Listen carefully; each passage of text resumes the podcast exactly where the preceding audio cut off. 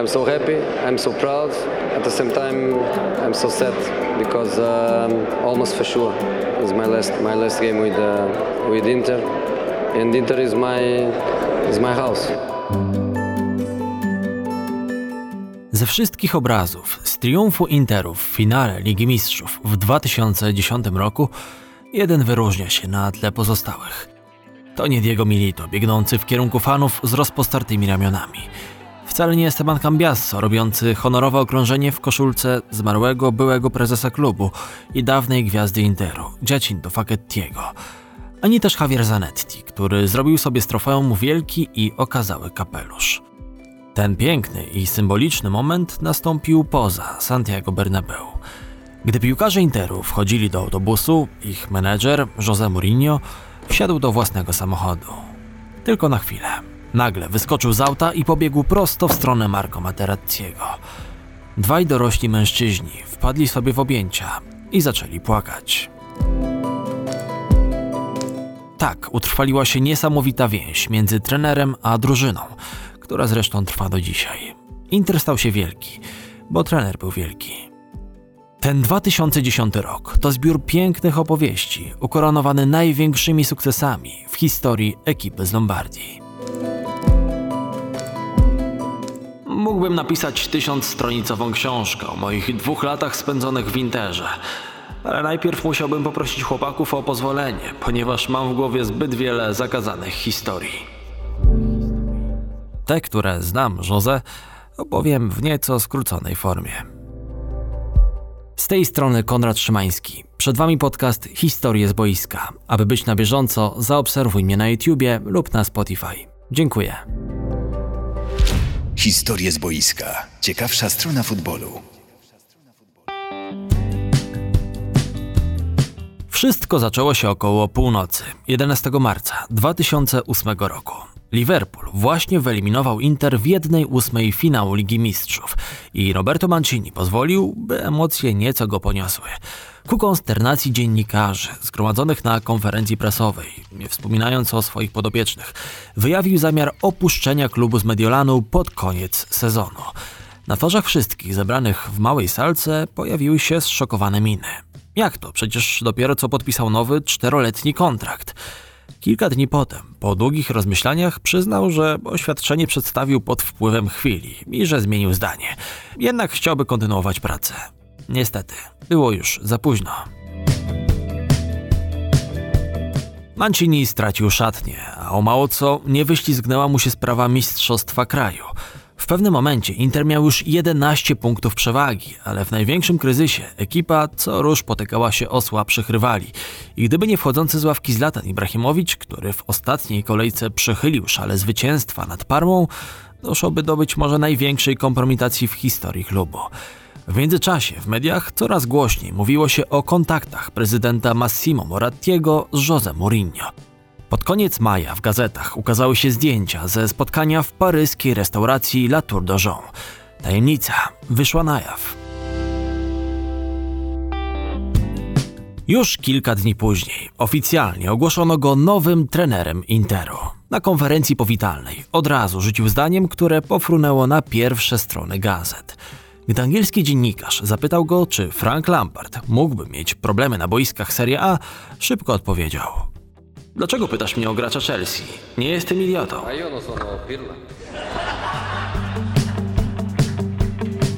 Słowo, jakiego użył, czyli pirla, określało idiotę albo głupka w regionach Lombardii i Emilii. Mógł użyć wielu innych, popularniejszych zwrotów, a jednak zastosował wyraz łudząco podobny do nazwiska pewnego piłkarza grającego akurat w drużynie z zamiedzy. Mourinho nie musiał puszczać do nikogo oczka. Żurnaliści dobrze wiedzieli, że zrobił to pod publiczkę, aby zyskać punkty u kibiców Nerrazzurich i z miejsca rozpocząć konflikt z milanistami. Jednak samymi krwistymi wywiadami nie mógł sobie zjednać fanów. Najważniejsze zawsze były wyniki, a trzeba przyznać, że jego poprzednik zawiesił poprzeczkę bardzo wysoko. Scudetto i 10 punktów przewagi w pierwszym sezonie to za mało. Był prawie w całości oceniany w kontekście rywalizacji w Lidze Mistrzów. Krajowy sukces to próg minimalny. Bardzo łatwy zresztą do przekroczenia od czasu skandalu Calciopoli w 2006 roku, gdy Juventus wypadł z elity i musiało upłynąć trochę wody w Tybrze, zanim stara dama mogła wrócić do czołówki. Champions League to co innego. W pierwszym sezonie Mourinho dostarczył niewielu argumentów dla tezy, że byłby w stanie podnieść zespół na wyższy poziom. W fazie grupowej ledwo wygramolił Inter z drugiego miejsca, za Panathinaikosem. Przegrał nie tylko z Grekami i Werderem, ale także potrafił zgubić punkty z cypryjskim Anortozisem Famagusta. Wreszcie, w jednej ósmej finału Mediolańczycy znów trafili na angielskiego rywala. Tym razem był to Manchester United. Ponownie odpadli i ponownie na tym samym etapie rozgrywek. Wpadł we wściekłość i chciał rzucić papierami. Miał już propozycję z Realu Madryt i niewiele brakowało, a jego przygoda z hiszpańskim potentatem rozpoczęłaby się o rok wcześniej. Gdy Moratti poprosił go o kontynuowanie misji, powiedział: Zostanę, Massimo, przecież wiesz. Przyjechałem tutaj, aby spełnić twoje największe marzenie jako prezydenta Interu.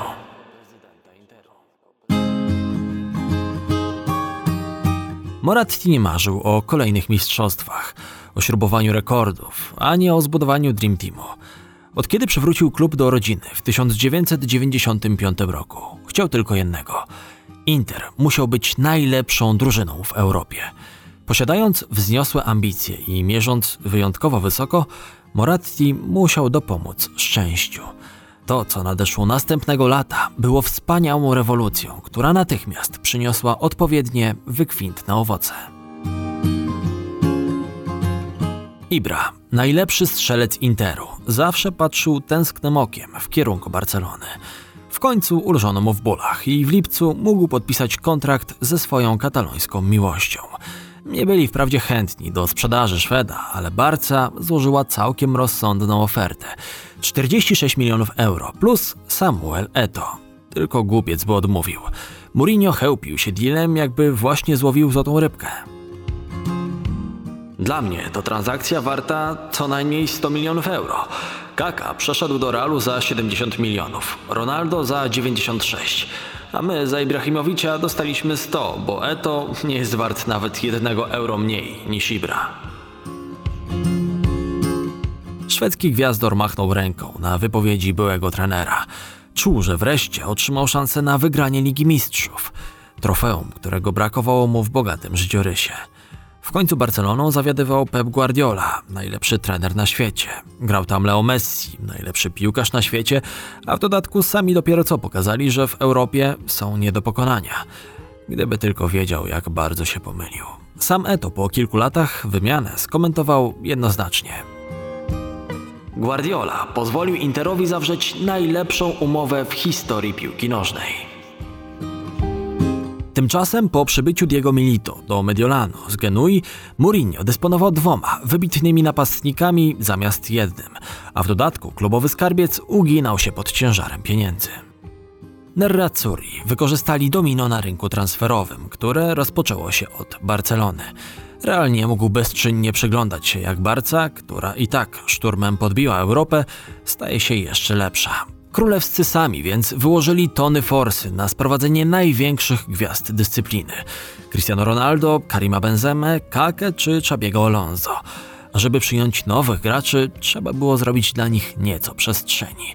To właśnie wykorzystał Inter, biorąc pod własne skrzydła Wesleya Snydera za jedyne 15 milionów euro, co stanowiło mały ułamek jego faktycznej wartości. Od początku do końca transfer nadzorował Mourinho, co wspomina sam zawodnik. Przekonał mnie do przejścia SMS-ami. W ciągu kilku tygodni wysłał kilkanaście wiadomości, w których mocno nalegał i przekonywał, że będę potrzebny drużynie. Jak mogłem odmówić? Wesley wylądował na lotnisku w Malpensa na kilkanaście godzin przed pierwszymi derbami Mediolanu, derby della Madonnina, 29 sierpnia 2009 roku. Nie przepracował ani minuty na treningu, a mimo to jego wpływ trzeba uznać za kluczowy.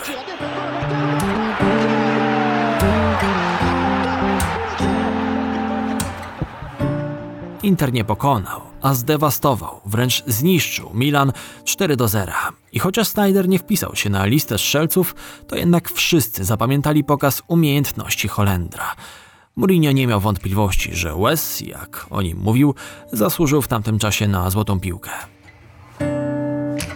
Zdobył potrójną koronę. Później latem zagrał w finale Mistrzostw Świata. Strzelił 5 goli dla nas w drodze po triumf w Lidze Mistrzów, a w RPA, razem m.in. z Thomasem Müllerem, został królem strzelców.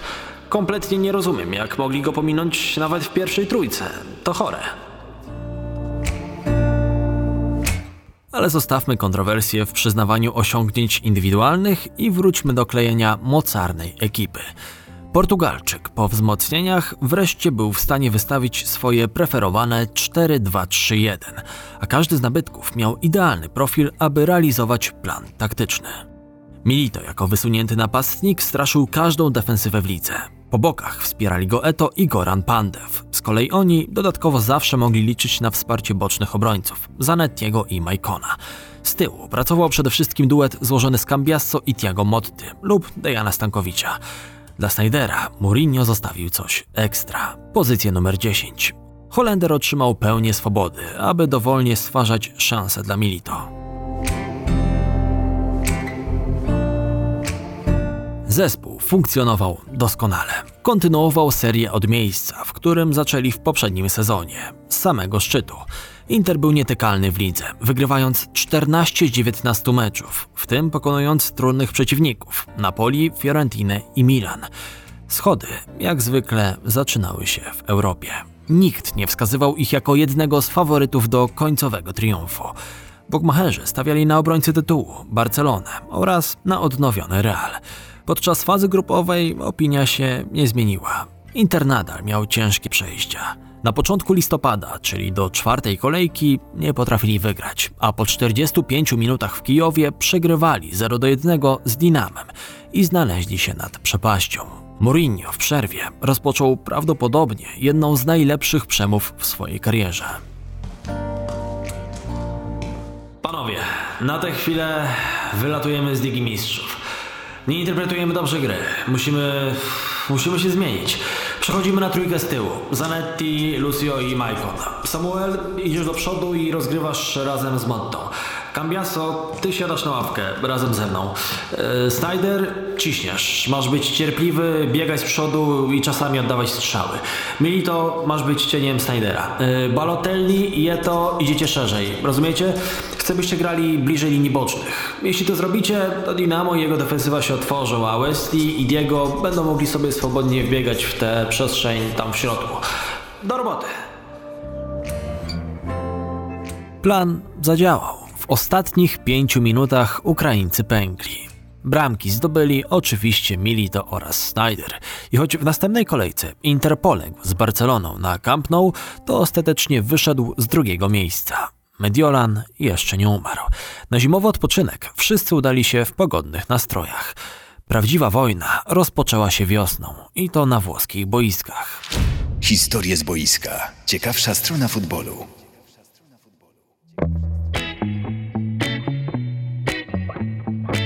Rzeczywiście, w środku walki o obronę tytułu był taki moment, gdy wydawało się, że Inter wykolei się z torów przez krucjatę Mourinho przeciwko sędziom. Gdy sprawy nie szły w odpowiednim kierunku, Jose przyjmował mentalność oblężniczą, po to, by dodać swym żołnierzom animuszu podczas najważniejszych bitew. Wszyscy są przeciwko nam, ale my i tak jesteśmy ponad nimi. Forza! W połowie lutego Nerazzurri przodowali w tabeli, ale Roma i Milan sumiennie zmniejszały dystans do lidera. W czołówce robiło się ciasno, a fotel Portugalczyka stawał się gorący. Przed spotkaniem z Sampdorią Jose był już w paskudnym nastroju na przedmeczowej konferencji prasowej. Nie chowam głowy w piasek. Wiem, że we Włoszech jest tylko jedna drużyna, która ma pole karne o długości 25 metrów. Ta sarkastyczna uwaga odnosiła się do wydarzenia z wcześniejszej kolejki, kiedy Juventus dostał rzut karny w meczu przeciwko Genoi. Ale Sandro Del Piero został wówczas przewrócony dobry metr przed szesnastką, lecz sędzia bez wahania wskazał wówczas na wapno. Uwaga nie spodobała się oficjelom, którzy najwyraźniej chcieli ukarać krnąbrnego szkoleniowca podczas meczu z Sampą. Inter wprawdzie zdominował rywala, mógł spokojnie nawrzucać kilka goli, lecz celowniki napastników graczy z Mediolanu tego dnia nie były zbyt dobrze ustawione. Wtedy do akcji wszedł arbiter Paolo Tagliavento.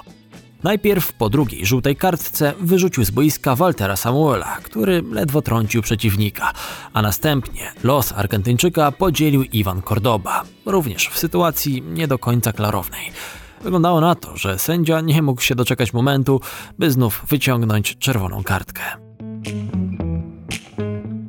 Mourinho nie mógł już dłużej patrzeć spokojnie na to, co dzieje się na boisku. Przecież to rozbój w biały dzień.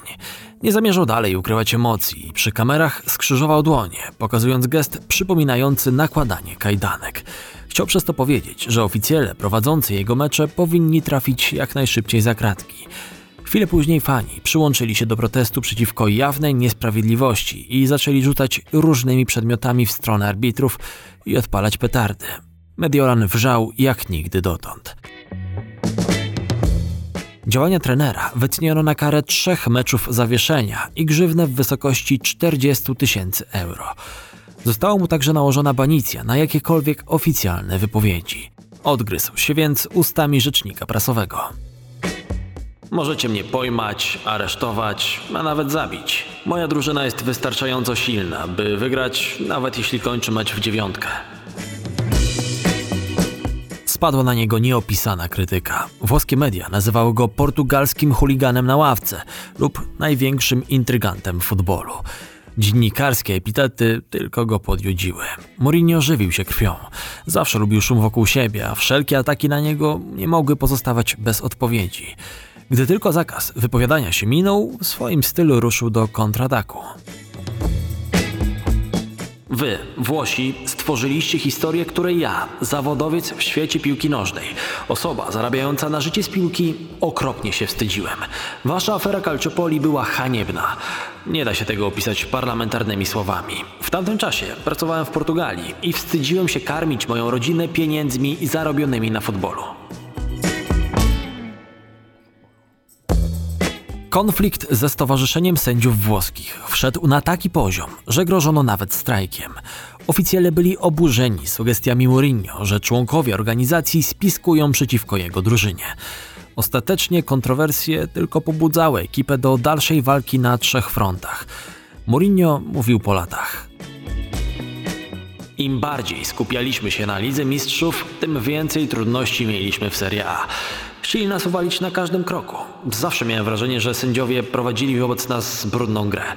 W pewnym momencie zacząłem trenować drużynę, aby rozgrywali piłkę 10 na 11, aby być gotowym na wypadek, gdyby ktoś musiał zejść z boiska. Przed Sampdorią zapomniałem wykonać treningu 9 na 11. Później po meczu wdrożyłem to ćwiczenie na stałe. Forma w lidze uległa wyraźnej poprawie. Po wyjazdowej porażce pod koniec marca z Romą, najpoważniejszym pretendentem do tytułu, Inter tracił punkty już tylko raz. Imponujące zwycięstwa nad Juventusem i Lazio dały drużynie solidnego kopa. W ostatniej kolejce skromna wyjazdowa wygrana z Sieną potwierdziła drugie z rzędu Scudetto dla Mourinho.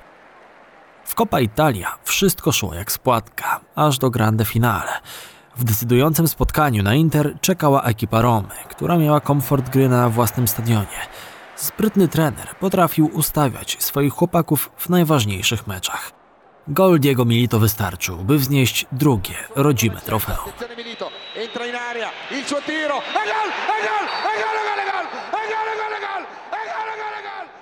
Po opanowaniu nastrojów wywołanych lokalnymi sukcesami, wszyscy zwrócili się w stronę prawdziwej góry – do tej pory niedostępnej, trudnej i wymagającej. Champions League podjęli ostatnią próbę ataku szczytowego, który wiódł przez ekstremalnie niebezpieczne pasmo zboczy o nazwie FC Barcelona.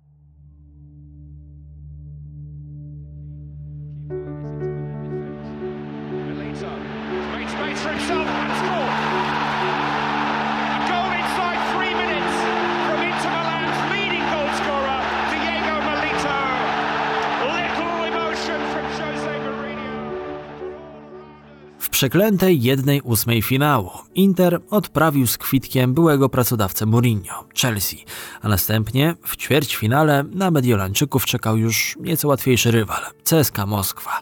Minimalistyczne podejście zdeterminowanej ekipy pozwoliło na dwa skromne zwycięstwa po 1 do 0. I wreszcie półfinał. I ona, duma Katalonii. So, how do you solve a problem like young Messi?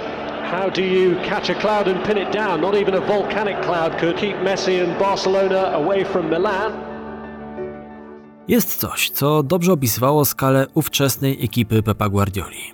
To słowa Pedro, który przyznawał, że zmarnowali historyczną szansę. W latach 2009-2012 powinniśmy byli wygrać Ligę Mistrzów trzy razy z rzędu. Tamta Barcelona to Dream Team. Nikt nie widział lepszej i chyba już nikt nie zobaczy drugiej takiej. Starcie z Interem to jedno z moich najgorszych doświadczeń w sportowej karierze. Pierwsze spotkanie w Mediolanie było tylko uwerturą, wstępem do pięknej symfonii. Barcelona przyjechała zmęczona podróżą autokarową. Przestrzeń powietrzną zamknięto z powodu pyłu, który unosił się nad całą Europą po erupcji islandzkiego wulkanu Eyjafjallajökull. Błyskotliwe zwycięstwo 3 do 1 kwestionowano. Wszyscy też wiedzieli, że Interisti nie będą w stanie powtórzyć tego samego na Camp Nou. Kwestia wyłonienia zwycięstw meczu ciągle pozostawała otwarta, po tym jak w domykane przez piłkarzy Mourinho drzwi nogę włożył Pedro.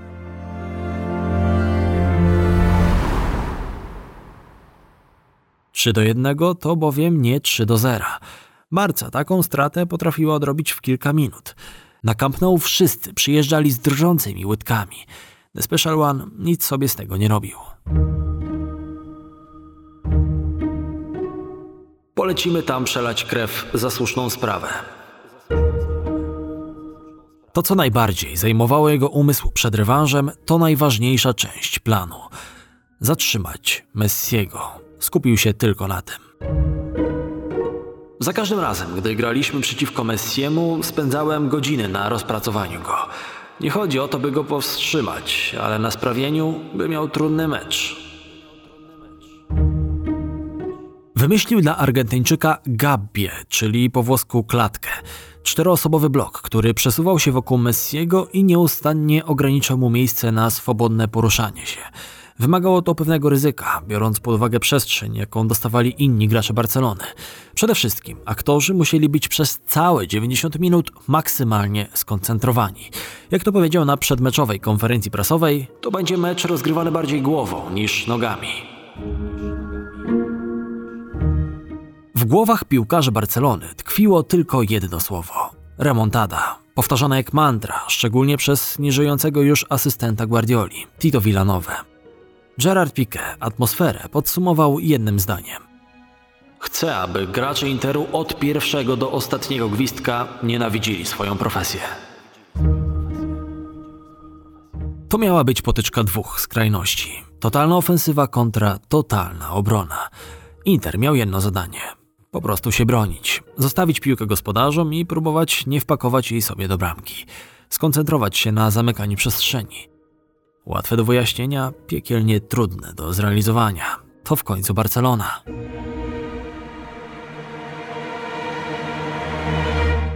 Mourinho wpadł na pomysł, by nieco odciążyć psychicznie swych podopiecznych. Dołożył więc presji na rywali, którzy już i tak byli gotowi wyjść na boisko z siekierami. Portugalczyk dolał więc oliwy do ognia. My podążamy za marzeniami. To co innego od podążania za obsesją. Oni kierują się obsesją. Można to zobaczyć i poczuć. Dla nich nie liczy się zwycięstwo, puchar i chwała. Chcą wyłącznie wbić katalońską flagę na środku Santiago Bernabeu. Nadszedł dzień rewanżu. Stadion pulsował. Atmosfera tak zgęstniała, że można ją było kroić nożem na kawałeczki. Mecz rozpoczął się całkowicie zgodnie z oczekiwaniami. Sądowanie Barcelony, frustracje Interu, a wszystko to w odległości 25 metrów od bramki Julio Cezara. Pierwszy znak bitwy pojawił się w dziesiątej minucie, kiedy Zlatan po bójce z Lucio wstał z murawy i wskazał na swoją podartą koszulkę. Sędzia Frank de Bleckere nie zamierzał odgwizdywać tego dnia rzutu karnego. W 26 minucie dobrze radzący sobie goście zdetonowali podłożoną pod siebie bombę. Thiago Motta zamachnął się na Sergio Busquetsa, a ten legł jak rażony piorunem. Leżąc, obserwował tylko przez palce zachowanie arbitra. Na pewno kojarzycie ten obrazek. Pokaże czerwoną kartkę, czy nie pokaże? Pokazał. Motta mógł mieć pretensje tylko do siebie. Jeszcze przed początkiem spotkania sam ostrzegał przed takimi incydentami. Jesteśmy przyzwyczajeni do tego, że gracze Barcelony często rzucają się na ziemię. Spokojnie, będziemy grali czysto. Przez całą następną godzinę mieli grać w dziesiątkę. Z tą potworną ofensywą przeciwnika. Jak tu nie stracić dwóch goli? Jednak wielkim problemem Barcelony i zarazem olbrzymią zaletą zarządzania psychologicznego Mourinho było to, że obrona Interu nadal pozostawała skupiona. Jakby nic się nie stało, dalej zamykali wszystkie trasy, możliwe ścieżki dla zagrania kluczowej piłki. Dla Pedro był to nieustający koszmar.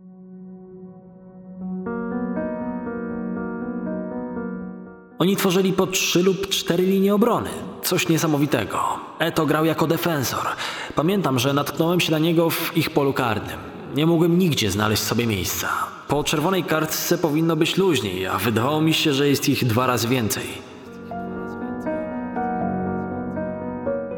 Bramkarz Julio Cesar został upomniany żółtą kartką za grę na czas już w 30 minucie. Nie dało się zaaplikować kolejnych sztuczek tylko podnieść przyłbicę i stanąć do walki z hydrą. Majkon opisywał to jako cierpienie, ale czy oznaczało to, że nienawidzili swojej pracy w sposób pożądany przez Pikę? To inna sprawa. Byli podekscytowani, a ich determinacja pochodziła z najgłębszych rezerw wysiłku. W pewnym momencie Inter miał zaledwie 18% posiadania piłki. Nie szkodzi, Barcelona ciągle nie potrafiła wyrządzić im krzywdy. Guardiola czerwieniał z każdą minutą. Miał dość. Ściągnął Ibrahimowicza z Busquetsem, rzucił do boju Bojana i Jeffrena. Coś ruszyło. Wzrost liczby niskich, ale zwinnych graczy w połączeniu z rosnącym zmęczeniem Interu stopniowo zaczęły przynosić pierwsze pęknięcia w mediolańskiej skale. W 84 minucie Barcelona zdobyła tego upragnionego pierwszego gola dzięki talentowi Szawiego i sprytowi Pique. Stadion oszalał.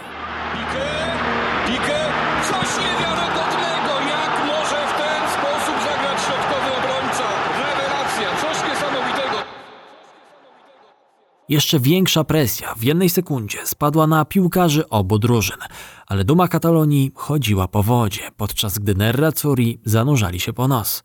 To był najczystszy poziom futbolu na poziomie Ligi Mistrzów.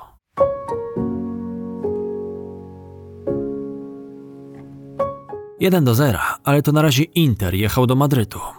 Ostatnie 10 minut to rozpaczliwe strzały na bramkę Julio Cezara, który uwijał się jak w ukropie. Ten prostokąt to jego dom, do którego nikt nie miał prawa się dostać. W pewnym momencie wydawało się, że jest po wszystkim. Bojan z całej siły uderzył w samo okienko. Kibice nie mieli, a piłkarze już zamierzali się rzucić, by uściskać ich wybawiciela, lecz w tym nieopisanym tumulcie rozpoznano dźwięk gwizdka sędziego. Wcześniej piłka trafiła w rękę Jaiture. Nie ma drugiego gola, nie ma awansu. To koniec l'allontana, è finita! L'Inter è in finale della Coppa dei Campioni, edizione 2009-2010, è l'impresa! Gracze Guardioli upadli na ziemię w rozpaczy, gracze Mourinho z wyczerpania. Portugalczyk biegł po murawie i maniakalnie wyrzucał ręce w powietrze. Próbował go powstrzymać Wiktor Valdes, próbowali też menedżerowie obiektu, włączając spryskiwacze, ale nikomu się ta sztuka nie udała. To moja najpiękniejsza porażka w karierze. Nawet wygranej na Bernabeu z Bayernem w finale Ligi Mistrzów nie da się porównać z tą chwilą. Nic dziwnego, że piłkarze go kochali. Nawet teraz, po 11 latach, utrzymuje kontakt ze swoimi podopiecznymi. Marco Materazzi, obrońca, który wówczas pełnił dosyć marginalną rolę na boisku, ale zdecydowanie kluczową w szatni, założył niedawno grupę na WhatsAppie, gdzie wszyscy uczestnicy tamtego historycznego sezonu wymieniają się wspomnieniami. Julio Cezar potwierdza. Najbardziej aktywnym facetem na tym komunikatorze jest Jose. Pisze, żartuje i obraża sędziów. Niepodrabialny gość. Mourinho płynął na swojej fali. Był już po słowie z Florentino Perezem. Prezes Realu nie pozwolił mu nawet wrócić do Mediolanu celebrować sukces. Nie chciał wypuścić z rąk takiego skarbu. Bał się, że ekscentryk może mu wywinąć jeszcze jakiś numer.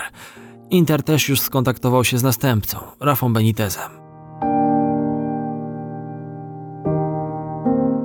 Pewnie zastanawiacie się, co Materazzi powiedział Mourinho, gdy ten utonął w jego objęciach tego pięknego majowego wieczoru, kilkadziesiąt minut po wzniesieniu srebrnego pucharu z wielkimi uszami. Zapytałem go, czy zdaje sobie sprawę z tego, w czyich rękach pozostawia drużynę. Gdy odpowiedział, że wie, powiedziałem mu: Jesteś gównem. Po czym obaj wybuchnęliśmy jednocześnie śmiechem i płaczem. Tak naprawdę wybaczyłem mu od razu. I'm so happy, I'm so proud. At the same time, I'm so sad. So now I have um, two houses: Stanford Bridge, San Siro, and a third house, probably Santiago Bernabeu.